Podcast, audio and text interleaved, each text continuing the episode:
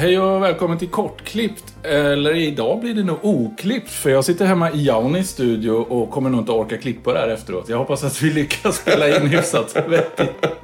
Ja, det hoppas jag också. Ja, eh, tjena Jauni. Tjena, tjena. Skål på dig. Skål. Kul att se dig. Vi dricker cola. Ja. Nej men det är, jag är ute på en liten turné i Skåneland och Blekinge och har träffat eh, lite olika snubbar. Idag är jag hemma hos Jauni och så ska vi, eh, ja vi ska livepodda faktiskt för första Precis. gången. Live och live. Vi spelar in fast vi sitter på samma ställe. Ja exakt, exakt. Precis. Annars så sitter vi ju, vad är det, 50 mil isär? 40 någonting. Jag tror det är sånt. Jag har inte mätt eller Nej. räknat på det. Men... Nej, så nu slipper vi köra remote och så slipper vi hålla på och klippa en massa olika filer och grejer. Så jag får en fil att klippa. Hoppas det blir bra. Men ta inte det här som att vi kommer att fortsätta med den här typen av podd. För det är lite jobbigt för oss att resa den här biten. Ja, precis. Eh, sex timmars restid och en tank bensin. Precis. Ja, och idag så eh, har, tänkte jag vi ska prata lite om Jaunis studio nu när jag ändå passar på att här. Eh, för att det finns ju prylar. Så är det ju. Finns prylar. Ja. Många prylar finns det. Och vi har ju gått igenom de eh, grejerna som du köpte för ett tag sedan för att få din studio lite mera eh, som en multikanalsbandare Precis, in i precis. datorn. Så det har vi pratat om. Och sen har vi pratat om din eh, Softube Console One Fader grunka. Mm. Som eh, skrämde skiten ur mig när den vaknade upp. Men den eh, trivs du med? Ja, alltså den är helt fantastisk. Det jag gillar är att du får den här taktila känslan när man jobbar med EQ. Inte på den regelgrejen utan det här med EQ och kompressor och gate. Där man kan sitta och skruva och lyssna. Istället för att liksom titta på en kurva på skärmen. Liksom.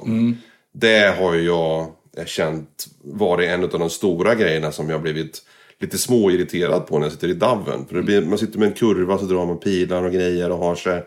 Då känner man liksom efter ett tag så trollar jag bort mig liksom för att börja om. Här är det så enkelt. Du har liksom din low, low mid gain, high mid gain och så har du high gain. Så har du frekvensen du kan svepa. Så kan du bara liksom skruva. Och så lyssnar du vart ljudet tar vägen någonstans. Ja.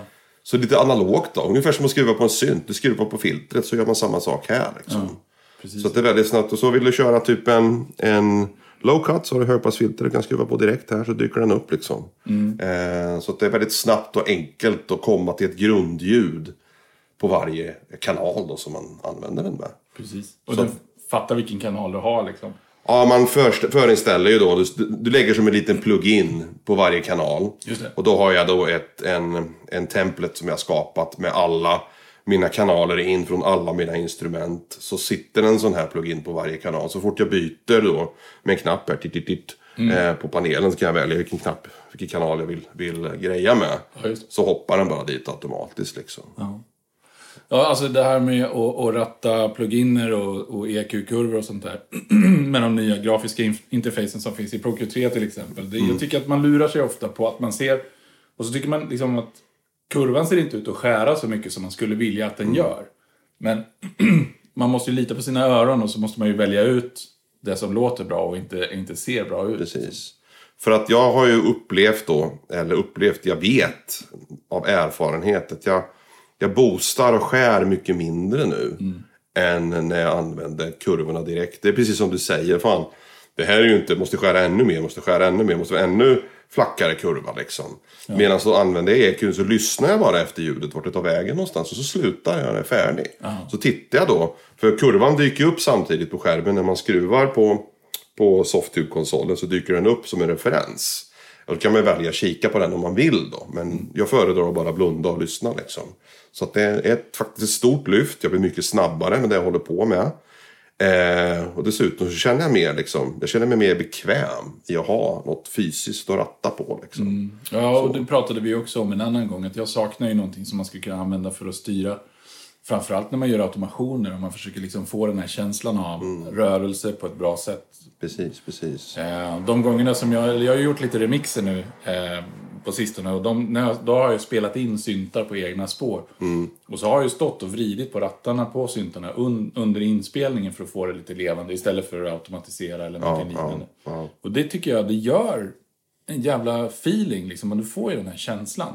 Och så framförallt när du vet att du har ett break och du kanske öppnar filtret just där och så klipper du ner det liksom för att få, få alltså, eh, någon effektfull grej då. Det, det tycker jag gör jättemycket. Det går ju såklart att mappa de här till alla allehanda instrument om man vill dem. Jag har inte riktigt brytt mig om det för att det jag är intresserad av det är ju mixdelen så att säga. Ja. Eh, slutproduktionsdelen liksom. Och, eh, en sak som är viktig också tycker jag när man sitter och letar efter en frekvens så kan du skruva på två rattar samtidigt. Just det. Precis. Så man sitter med en hand och så har man liksom har man eh, frekvensen på den ena så har man gainen på den andra. Så kan man leta och lyssna liksom samtidigt då. Och det finner jag var jätte, jättesvårt i en dator. Att röra två parametrar samtidigt. Du kan ju flytta med musen när du har en sån här kurva. Det är ungefär samma sak. Det. Men jag känner ändå att jag sticker iväg, jag drar på den för mycket liksom. Gör jag. Nej, och så jag menar, man har ju två händer men man har ju liksom, datorn har ju en mus. Så den är ju liksom mycket mer endimensionell på något sätt. Så det gäller väl egentligen alla kontrollenheter tror jag. Eh, man kan ju mappa dem hur man vill och få varje ratt att göra precis vad man vill. Men det jag tycker om med Softube är att de har verkligen tänkt igenom konceptet och har dedikerade namn på allting och det funkar likadant. Om man har en ny kompressorplugg eller en ny gainplugg så kan stoppa in eh, den i gainstagingen här då till exempel. Jag kan ju, det finns ju som en drive här då kan man välja vilken karaktär. Så jag köpte den här billiga boost-grejen, basboost-grejen. Mm. Så kan jag bara välja den då istället för den som följer med eh, original VST-pluginen. Så kan jag byta vilken typ av boost gain jag vill ha då eh, på den kanalen. Så det går jättesnabbt att bara flippa över till nästa liksom. Sådana där små enkla detaljer gör att man inte behöver gå in och peta liksom i, i VST eller någonting då. Nej, precis. För hur, hur den är så måste du öppna interfacet på VST och du måste ju flytta musen till rätt kontroller och dra den. Liksom. Här kan du bara trycka ut handen och vrida på ratten. en Liksom. Knappen. Så är man in där, eller här uppe tror jag. Det var. Ja. Yes. Nu är det ju ett, ett eh, icke-visuellt medium vi håller på med när vi poddar, så det är ju ingen som ser vad jag ser här nu. Men, men jag, kan ju, jag kan ju försöka beskriva vad, vad det är. Du har ju alltså tre bord organiserade som ett U, där, där botten på U är liksom dator och, och patchpaneler och högtalare och, och liksom tangentbord, så att du sitter där och proddar med skärm. Och så benen, eller vad man ska säga, är syntarna. Och det finns ju ett gäng syntar. Både Eurorack och MS-20 och, och lite elektronburkar. Eh, din tokmoddade TR707 eh, och lite sånt där. Mm. Jag har ju tänkt så när jag bygger mitt U då. Att jag har alla key, alltså de stora keyboarden på, på en sida av studion. Det är egentligen då när jag sitter och skriver musik, skriver melodier, komponerar kanske soundtracks eller någonting. Och sitter jag på den sidan och skriver på pianot som ett exempel. kanske använder Moog Ma- Moog Matriarch som står precis ovanför. Eh, som bassynt eller arpeggiator. Eller Subsequent 37 som står till höger som en solosynt eller bassynt. Då. Och där har jag tillräckligt för att kunna göra liksom enklare ja, eh, låtskriverier. Tanka ut idéer jag har i huvudet liksom på pianosidan då. Ja. Eh, och sen den högra sidan är ju där alla beatbox eller eh, burkar sitter. Typ jag har min Moran Mono, jag har min Avalon Baseline, jag har min Electron Analog 4, Digitakt, 707 och så även mitt Eurorack-system då. Plus ett par Korg Volkor som står och dräller. Eh, så det är lite grann beatsidan då där jag bygger alla rytmer och sånt där. Och sen spelar jag melodier så sitter jag på vänstersidan och hamrar liksom. Så har jag även en MS-20 som står nära modularen om jag behöver göra några melodiprylar som kanske liksom kräver en direkt ansats då istället för att byta plats i rummet. Då. Men då kan du ju liksom sätta igång lite sekvenser som går runt, runt, runt där. Och så kan du gå över till andra sidan och, och, och lira loss. Liksom. Precis, ja, precis. Sen har jag då även i mitten på eh, bordet då, alltså där datorn och allting står, så har jag en eh, Akai Force.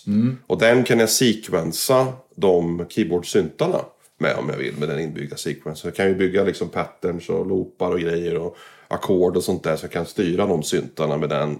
Och den är ju synkad med alla, alla eh, andra burkarna i studion också då som en slav.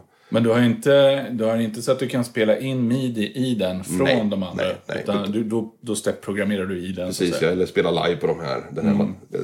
Tangentbordsmatrisen som faktiskt är förvånansvärt enkel att manövrera. Är den. Så Och den är så här så att man kan, man kan välja skalor så att den låser. Phrygian, Mixolydian, jada jada liksom. Så att du bara bankar loss och så blir det, så blir det bra. Precis, precis. Grymt, men det här är ju någonstans eh, alltså 40 års erfarenhet av syntar nerkokade i ett rum. Lite grann så faktiskt är det. För att det är ju eh, viktigt att ha snabb tillgång till alla instrument. I och med att jag, huvuddelen av de låtarna som jag gör till exempelvis med Burg eller om jag gör ett technoprojekt gör jag helt live i studion. Så att jag spelar ju in det som en live-session, en live, live jam liksom. Och då måste jag kunna ha tillgång till alla instrument på en och samma gång på ett väldigt, väldigt snabbt och enkelt sätt. Och då vill inte jag ha ett stort rum där alltid jag har syntar på rack på rack på rack som är midi-styr från en dator. Nej. För det är inte så jag jobbar. Jag kan faktiskt inte midi-styra mina instrument överhuvudtaget med datorn. Nej, du sa det. Det tyckte jag var så här, äh, intressant. Jag har ju alltid haft Cubase som en väldigt avancerad och dyr bandspelare. Men har du, tar du klocka ut ur datorn? Eller Nej, du också nej, nej, inget sånt alls. Så när det är dags att spela in, då, då trycker du på rec på datorn och sen går du bort och startar igång precis. Och, och sen får du klippa och klistra själv. Ja, precis. Så vill jag lägga på något i efterhand så spelar jag för hand då. Jag, jag, jag synkar inte på någonting. Nej. Eh, vill jag då kanske göra någonting i datorn så kan jag ju liksom lägga så att den ligger rätt i griden och har rätt tempo och lägga till något mer ljud från datorn. Ja. Det händer ju. Eh, det händer ju såklart. Jag har ju samma tempo i datorn som det projektet jag spelar in då. Så den möjligheten finns ju. Men det är fortfarande en väldigt avancerad bandare i och med att det, det finns ingen synk liksom. Ingen riktig... Ja, men det är lite coolt. Och då, det betyder ju också någonstans att, att om klockorna inte riktigt 100% stämmer och du börjar... Men, men du, du, du spelar ju in i multikanal. Och sen eh, om, om du då ställer Cubase på en viss klocka och så ställer du liksom din elektronmasterklocka eh, till de andra sakerna på samma BPM. Så är det inte säkert att det hela tiden är 100 synk. Nej, nej, det är verkligen inte. Och jag tycker det är roligt därför att det blir lite groovy om man, om man missar lite grann. Ja, dels det. Och sen så när du lägger på så här temposynkade effekter efteråt, typ delayer och sånt där, då kommer du ju få lite, lite så här, då kommer du få datorns klocka på det. Medan det inspelade materialet har den yttre klockan så att säga. Så det kan vara lite, lite små off. Jag brukar som oftast också när jag lägger delay, även i datorn, att jag struntar i och Alltså tid, BPM-synker, Den ställer in millisekunder istället på ett ungefär. Så att det alltid ligger antingen lite under eller lite över med flit då. Eller så kan jag modulera raten så att den går lite upp, och ner liksom. Så att den ligger och svajar. Det funkar ju inte på trummor och sånt där som ska vara liksom eh, exakta typ eh, call and response delay.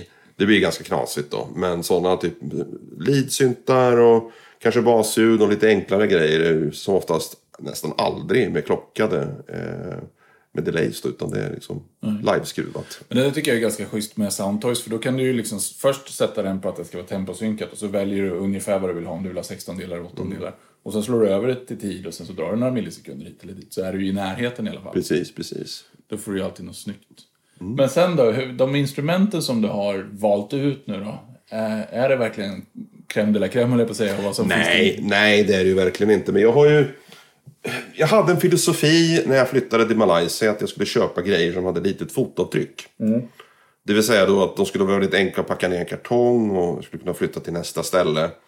Och det där har levt kvar lite grann. Jag har ju väldigt få stora maskiner. Som du ser, de tre stora syntarna jag har är ju Matriarch, Subsequent 37 och mitt Korg-piano. Det är de enda. Eh, och det har ju liksom föranlett till då att jag mer eller mindre har samlat på mig elektronmaskiner och lite andra grejer som går att synka, gör sån här loopbaserad musik på. Då. Eh, och det är lite grann där idén till Burg växte fram. Det var där liksom fröet egentligen såddes då från början. Och sen så har jag skaffat då maskiner som jag känner att nej men det här är väl ungefär åt det, åt det här hållet som jag behöver göra min musik. Och de här olika typerna av karaktär som jag är ute efter, alltså features och sånt där. Eh, men jag plockar ju bara de grejerna jag tycker är bra i synten. Så jag använder ju exempelvis inte min analog 4 fullt ut som masterenhet. Utan i huvudsak så är det ju mer effektdelen i den som är intressant snarare än syntljuden idag. Så jag skickar ju till exempel eh, min Avalon Bassline genom ibland, min Oran Mono genom ibland, min Erebus genom ibland. Och sen så gör jag sån här, eh, eh, vad, vad är det de kallar det nu, elektron, den här triglock-grejen. Parameterlåsning. Precis ja, på effekterna då på de ljuden för att skapa nya eh, grejer då med de instrumenten. Och det tycker jag är liksom det roliga att använda det som är bra i en synt. Istället för att använda den som en hel och kompakt enhet då. Så det är, lite, det är väl lite av en, ett lyxtänk tror jag. Bara plocka de grejerna jag tycker är bra med ett visst instrument och använda bara den delen. Men varför inte liksom? Du har ju så pass mycket instrument att du, kommer ju aldrig liksom få slut på ljudkällor så det, är Nej, väl, nej. det är väl fine. Men det, det som du nämnde nu när du sa att ibland kopplar jag den igenom, ibland kopplar jag den igenom. Så hur mycket av det här är fastkopplat liksom IO-mässigt så att säga? Just nu så sitter allting i Patchbase. Eh, ljud ut.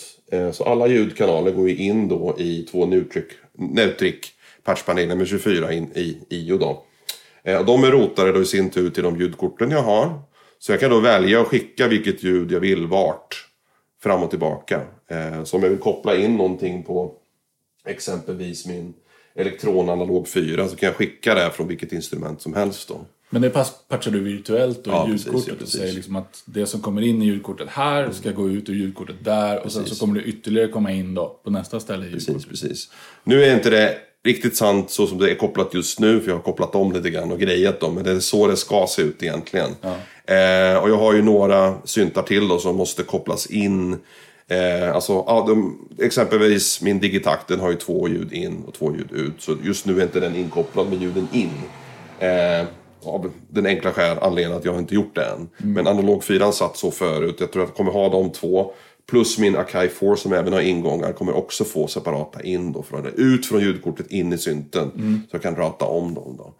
Eh, men jag har av ren lathet skulle jag vilja säga bara haft analog 4 inkopplad på det sättet. För det är egentligen den som jag har latchat runt med som mest. Men upplever du inte att det blir eh, ett litet motstånd att gå in i någon virtuell patchpanel och fixa det där när du, när du är liksom in the flow? Utan, Det går jättefort att göra det. Det går jättefort att byta. För de här motorkorten de har ju som en egen liten egen litet UI då. eh, Som man kan öppna upp i en webbrowser och så Okej, det går jättesnabbt att fippla om där. Det tar en sekund. men men eh, midi-styrning mellan de här maskinerna sen då? För att det, alltså, som till exempel eh, Digitakten och, och Analog 4, de kan ju styra andra saker. Så jag kan tänka att din Erebus får ju midi från någonstans. Yes, så det är ju Digitakten som är eh, hjärtat i studion. Det är den som styr allting stopp-start. Det är liksom masterklock. Eh, och den då skickar klocksignal till allting på högersidan. Inga mininoter, bara klocksignal. Och sen så skickar den då även en klocksignal till min Akai Force.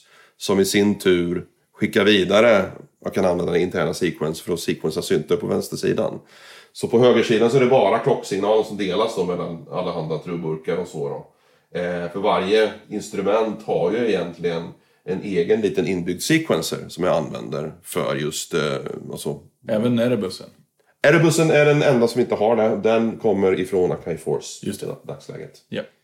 Yes. Coolt, för att det där är ju eh, en sak som jag brottas lite grann med, liksom vilka saker som ska styra vad. Eh, och jag har ju ingen midi patch bay längre för min Roland, eh, vad det nu heter, gav ju upp. Ja, så, att, så att jag, Daisy Chain är ju min midi hela tiden. Och eh, ja, med vissa olika effekter. Ibland så får ju vissa syntar spela samma slinga för det, liksom, det blir så. Och sen det, har jag ju flera syntar som saknar through så att det liksom tar ju stopp i, i olika ändar. Så att jag behöver köpa någon jävla splitter eller få det där att funka på något. Små Kenton Trueboxar, de här True 5, är jättebra. Ja, de är typ, grymma. Jättebra att ha. Jag har typ två, två stycken sådana. Så har jag någon sån där, vad det nu heter. Midi through, Jedi filter, jag kommer inte ihåg vad de heter, Midi flex eller Midi flux någonting. Eh, typ 500 spänn på toman liksom. Eh, och det är ju det absolut bästa, tycker jag. Eh, Det, det absolut skönaste, skulle jag vilja säga. Inte det bästa, men det skönaste. Att jag bara slår på och sen finns klockan överallt. Den är, all, den är alltid liksom utspridd. Då kan jag välja vad som ska starta och stoppa baserat på vilket instrument som tar emot den. Då. Så att antingen bara dra ner volymen eller bara strunta i att ha ett ljud på den. Liksom. På det sättet så är alla syntarna alltid med. Eh, så kan jag välja att bara rycka sladden om jag vill att de ska springa fritt. Liksom. Det går ju också. Men eh, det går väldigt fort från trycka start tills jag har en, ja, ett grundkoncept. För allting är ju igång. Eh, Har du någonsin upplevt att det har fått dig liksom låst? Så att liksom, nej fan nu låter ju allting likadant hela tiden. För det är, det är nästan som, det blir ju lite grann som att öppna upp ett template i Doven som är fullt med, med grejer. När du har en studio som är färdigkopplad på det sättet. Den, det problemet skulle jag ha om jag hade färre syntar. ja, ja, precis. Men det är nog sant. Yes, yes. För det är ju som så att jag väljer ju ut då vilka instrument jag ska börja med. Och är typ en, två, tre syntar, de här börjar jag med. Så bygger jag upp då och låter med dem. Och sen så får de andra bara agera småljud liksom. Tittar man på det Jag kanske tar ett noise-ljud från min matriark. Och det är ju jättefånigt. Fan, använder du en Moog matriark till ett litet noise-ljud liksom med lite modulation? Det kan låta jättefånigt. Men jag har ju den möjligheten och den lyxen i och med att jag har liksom genom åren samlat på mig instrumenten så kan jag ju välja då vad varje instrument ska göra för just den här låten. Sen kanske en annan låt så är Moog Matriarch den som gör den stora feta basen som tar mycket plats. För att någon annan synt inte klarar av att göra det. Men då har jag den möjligheten att cherrypicka då vilka instrument som är med i varje låt. På det här sättet så undviker jag den här templet allting låter likadant fällan då. Precis, och det där tror jag är en viktig sak att komma ihåg. Att även om alltså, syntarna som vi har idag är ju löjligt kraft, kraftfulla. De kan ju hur mycket som helst. Mm. Jag menar, eh, en Sub 37 kan ju låta på en miljard olika sätt. Och man klarar sig ganska fint med, med bara den. Liksom. På många saker. Mm. Eh, vilket ju gör då att, att liksom, som du säger, det nullifierar ju det här problemet med att allt liksom är förpatchat. Mm. Att, att du kan ju liksom göra så många olika ljud med den. Och om du då skulle få för dig att göra det, ja men gör kicken på Sub 37 då. Ja, precis, precis. Det är det som är så roligt att alltså, studion blir, blir ju... Jag brukar använda den här jämförelsen att jag är konduktör. Alltså det vill säga, inte konduktör, conductor, vad heter det? Dirigent, Dirigent, i min, stud, ja, min studio. Varje instrument då gör sin egen grej. Och jag väljer då när de ska hoppa in och hoppa ut och göra de olika bit, bitarna i låten då. Skillnaden är ju då att ibland blir basisten trummis och vice versa liksom. Så att du har ju den dynam- dynamiken i studion. Man kan byta liksom. Eh, alltså instrumentalist eh, så att säga för varje en, en, enskilt ljud. Då. Eh, och det gör ju det att min ljudpalett blir enormt bred på grund av det. Och så har jag ju även väldigt, varit vä- väldigt noga med när jag köper nya maskiner att jag har en idé vad det är för någonting jag saknar i min ljudpalett. Var ska den här in? Vad Precis ja, precis. uppgift, Så liksom? jag köper liksom egentligen, okej nu, nu sitter jag och ljuger rakt upp i näsan för jag köpte faktiskt en Roland T06 bara på rent, bara för att du köpte en och jag såg en och jag ville ha en och så har jag alltid velat haft en 606 Då köpte jag en och så var jag ja men det här var ju roligt men den låter ju som en 606 liksom, that's it. Och den funkar inte riktigt mitt arbetsflöde. Den stod på fel ställe i studion så jag, var, jag fick sälja den igen. Även om det var en fantastisk trummaskin så hade den inte en plats i min studio.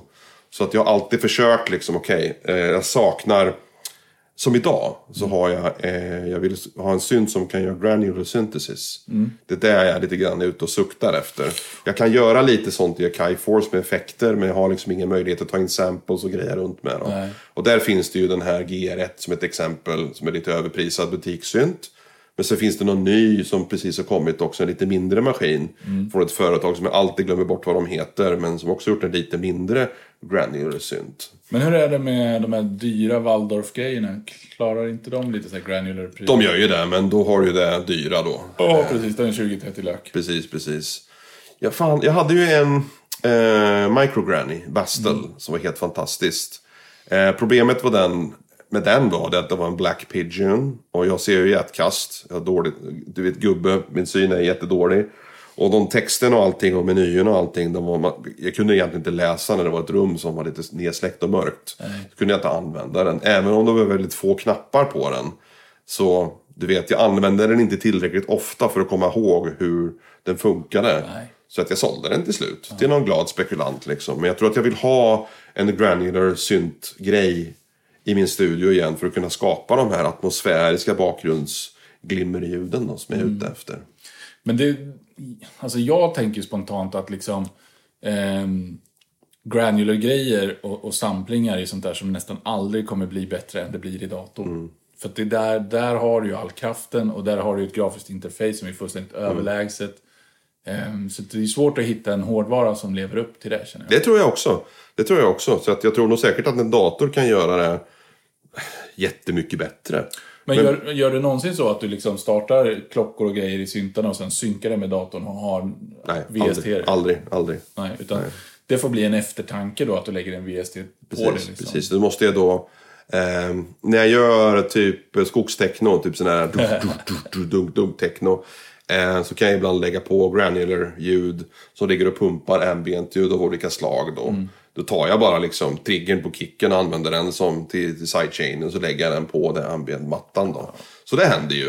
Eh, men problemet är att Men det är som alltid, alltid annat, när man jobbar med sounddesign så vill man ju gärna höra resultatet för att kunna anpassa de andra instrumenten till själva liksom huvudkärnan i låten. Och en sån granular grej blir ju ganska ofta, inte, inte, inte ofta men jag ser det som att det skulle vara en grej som skulle kunna vara ganska långt fram i mixen. Eh, Men i och med att jag gör den i VST så har inte jag riktigt anpassat den till de andra grejerna. Så blir det mer en bakgrundsgrej då. Du skulle vilja ha ett trasigt piano som du vet jassar omkring liksom. Eh, Och kan jag då använda då eh, en liten granular apparat. Det behöver inte vara speciellt komplicerat. Det räcker med att man kan flytta liksom start stop pointerna och modulera dem. Det räcker liksom. Eh, bara för att få in den känslan igen. Då, som jag, det är därför jag saknar min microgranny. Ja, nej men absolut. Ehm, det, det är liksom en, en ljudpalett då, som inte finns någon annanstans. precis, precis. Men ehm, vi har ju varit inne på det här tusen gånger förut, men, men jag tycker ju liksom att ehm, alltså, när, när, du, när du har spelar andra instrument som typ en, en fiol eller något sånt där så, så krävs det ju att du övar ehm, motorik eh, och fingerfärdighet och, och känsla för instrumentet och massa sådana saker. Så de övar ju flera, flera timmar om dagen liksom, för att upprätthålla det. Eh, Men vi elektronmusiker, vi får ju liksom spendera mycket tid på att lära oss själva instrumenten. Där. Känner du att du kan dina instrument? Eh, Ja, absolut. Det där är ju det viktigaste av allt. Eh, Jag har ju muskelminne och framförallt när jag väl har placerat ett instrument på ett ställe så vet jag alltid vart det är någonstans. Även om det är mörkt och lummet, lummet liksom i, i studion.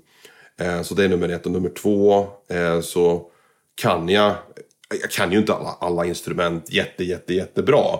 Men jag kan dem tillräckligt bra för att inte behöva tänka efter vad det är jag behöver göra. Mm. Eh, Avalonen kan vara lite sådär i och med att den är, väldigt, den är väldigt komplex och har väldigt mycket extra features som jag inte använder. Eh, så om jag ska utforska några features eh, i den så får jag liksom titta. Oj, eh, hur var det jag gjorde här nu igen? Så var det någon knapptryckning, någon dubbeltryckning som jag glömt bort. Noran Mono är ungefär likadan i och med att den också har dubbeltryckningar ibland. Liksom, Jag tänkte nämna den, plus att den är ju så väldigt... Eh, jag upplever den som lite lynnig. Liksom. Den har ju en så speciell ljudmotor som, som är lite så oförutsägbar med, med lite av sina FM-grejer och li- lite hur den beter sig. Ehm, och, och kanske... Den är inte så visuell. Jag har en tendens att jämföra några mono med elektronmaskinerna. Därför att den har ju lite parameterlås, den, har, den är ju byggd med en sequencer och rattar och alla sådana saker. Eh, men, men den har ingen skärm. Och jag är ju en skärmmänniska och jag tycker ju liksom om tydliga parametrar Ja, med, med siffror och namn och nummer och allting sånt där. Eh, så för mig är några mono lite stökig att komma in i. Jag har inte tagit mig den tiden. Eh, och därför upplever jag den kanske mer lynnig än den egentligen är. Man lär sig den nog. Den är ju väldigt enkel egentligen att göra enkla ljud med. Eh, men ska man dy- djupdyka, börja liksom parameterlåsa och krångla, då blir den ju rätt så bökig. Det kan jag hålla med om. Men jag går aldrig så långt, utan att det är som du sa, jag vet inte om du sa det, men om jag bara tänkte det. Alltså den, den är ju väldigt specifik i sin karaktär. Ja. Och jag låter den alltid när den är- är med i en låt och tar liksom front stage så att säga. Den, den tar mycket plats. Ja. För just att den låter så speciellt, den har så udda och rolig karaktär. Så gör den väldigt mycket liksom i en låtstruktur och liksom hur den... Ja, hur man, när man skruvar på filtret liksom, så hör man verkligen hur den skriker iväg och sticker iväg. Alltså det, det, går, det går inte att missta sig att det är den som spelar om man säger så. Nej, men, men som vi var inne på i basavsnittet förra gången så är ju den otroligt duktig på att pumpa ut bas. Ja, oj, oj, Så oj, den kan ju verkligen brumma loss. Så jag ska försöka vara lite duktigare med det. Men jag är lite besviken på att du inte har köpt en synklamppinne. Jag ser ingen. Jag ser ingen. Nej, grejen är så här. jag vill ha två stycken. Ja. Eh, Så jag har en på varje sida. På högersidan har jag en med dem och så på vänstersidan har jag för de andra. Eh, då tänkte jag kanske skulle ha en i mitten vid skärmen. Nu ni lyssnare som lyssnar förstår kanske inte riktigt. Men framåt så har jag skärm och monitorer. När jag tittar framåt så ser jag inte syntarna. Eh, och om jag tittar åt höger då ser jag liksom definitivt inte andra sidan på studion. Jag skulle rent tekniskt sett behöva två stycken. Eh, av ren lathet och du vet hur ska jag montera dem så har jag liksom inte riktigt kommit till skott då. Men när jag fixar, eh, vad heter det, audio akustiken här inne i rummet med lite paneler och absorptionsmattor och sånt där. Och när jag får upp eh, reglarna i taket för att montera kameror. Då kommer jag ha mer fästpunkter att sätta grejer i. Så då blir det nog säkert eh, dags då. Men jag vill inte köpa något och lägga det i en låda liksom. Nej, det är tråkigt. Det är. Men han har också, förutom den här synklampinnen då som är, det är ju, vad är det, 24 lysdioder som går i den här bågen. Så har han en liten som ser ut som ett gammalt anodrör. Mm. Och det kör ju bara en liten båge då, fram och tillbaka på typ så här fyra lysdioder. Och det kan man ju sätta på flera ställen. Det skulle ju fast, faktiskt nästan räcka. Det hade, det hade inte jag sett. Det måste jag titta på. Mm, kolla upp det, det är bra. Men jag tänker lite grann så här också. ehm, För min studio är helt tvärtom gentemot din. För du har ju allting uppkopplat hela tiden. Och, och på sitt sätt. Och liksom, du behöver ju bara trycka på start och så är du igång. Yes. Och jag har ju lite tvärtom. Jag har ju mitt eh, upphängt permanent hyfsat vissa syntar. Och sen så plockar jag ju fram de syntar jag känner att jag behöver och, och liksom kopplar in och, och så här. Så att jag har ju alltid lite ställtid innan jag kommer igång. Men beroende på, alltså de flesta låtar som jag gör, då börjar jag i DAVen någon annanstans än i studion. Oftast med min stora skärm på min, eftersom jag jobbar hemma så har jag en stor skärm på en annan arbetsplats. Och då sitter jag där och pluttar ut saker i pianorullen med VST-instrument och sådana saker. Och sen när jag börjar ha en struktur, jag börjar känna liksom att nu är det här på gång någonstans. Då lyfter jag ner det i studion och sen så väljer jag ut den synten jag behöver för tillfället och sen så kör jag på, på, på det racet. Liksom.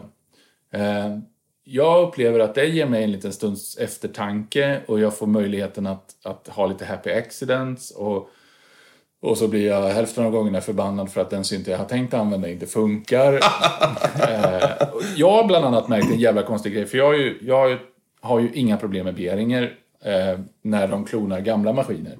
När de klonar maskiner som fortfarande är i produktion så tycker jag ju det är ganska onödigt.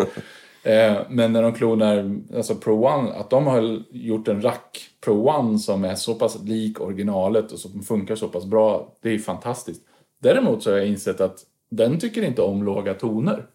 Nej. Så att när jag skulle spela bas på den här, här veckan så, så slutade den spela när den kom ner till om det var allting under E2 eller någonting. Midi. Du har den- ingen konstig sån här transponeringsgrej då, som, för att så, det där var ju inte original Pro 1, det gick ju hur lågt som helst. Typ Ja, ja. C1, C2 i Ja, alla den fall. bryr sig inte alls. Men, men, men det verkar som att det verkar som att Bro One liksom eh, filtrerar bort låga midi-meddelanden. Så för att få den att spela bas så var jag tvungen att liksom stämma ner den så mycket det gick på oscillatorerna och mastertunen och sen så hitta stämning i min DAV då som gjorde att det vart korrekt ändå. Då. Fan vad knasigt. Det var skitstökigt. Så att om någon har en lösning på det eller vet att det har ändrats i någon ny firmware eller sånt där så får ni jättegärna säga till för det där tycker jag är jävligt stökigt. Precis, det kanske är så att det är inne pajen någonting också. Så kan det ju vara. Det vet man ju inte. Så kan det vara. Den har börjat brusa eller spraka i utgången också så att den, den är väl kanske inte helt frisk. Ja. Men min Octave Cat är likadan. Eh, som också är Behringer. Men den har ju däremot en sån här switch för att transponera två oktaver upp och två oktaver ner. Så den går ju att få att spela bas. Fan vad lustigt. Fan vad lustigt. Ja, det tänkte jag inte på när vi var hemma hos dig. För vi gjorde inga sådana basgrejer med den riktigt. Inte så djupa. Nej, nej. Men eh, nej, det var jävla stökigt var det. Ha, vilken grej. Ja, hörni, eh, det här var nog dagens oklippt tror jag. Eh, vi Jag tror det. Ja, vi, jag har tagit med mig min buckla som äntligen har blivit eh, full, full bestyckad. Och vi ska försöka se om vi kan göra lite skogstechno-buckla-bas. på den. Så att vi, eh, vi tar och, och tackar för oss för idag och eh, kör igång med buckla techno. Just det. Eh, ni kan ju bara hoppa in på vår Discord också och köta och snacka synt där. Ni är jättevälkomna. Eh, ju mer folk vi har där, desto roligare har vi, eller hur? Ja, och den har ju blommat ut riktigt ordentligt på sistone tycker jag. Det har kommit in mycket nytt folk, eh, det rullar på bra, nya intressanta ämnen och reaktioner på våra avsnitt. Det är vi jätteglada för. Eh, och merch-kanalen har börjat leva lite grann. Vi har lite planer där. Lite småplaner. Ja, Lite småplaner. Det kommer bli bra. Det kommer bli bra. Men eh, tack för idag då. Ja, tack för idag. Och hörni, ni, glöm inte att spela synt.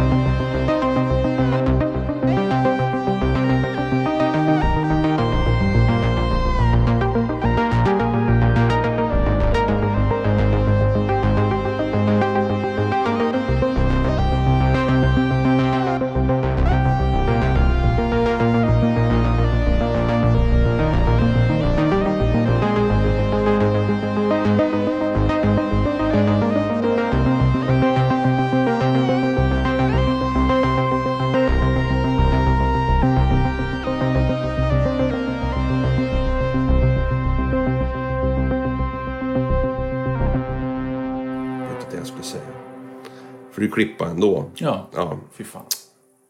Det gick bra fram hit. Det gick bra ända fram hit tills jag skulle börja freestyla. Ja. Jag glömde till och med bort vad jag skulle prata om.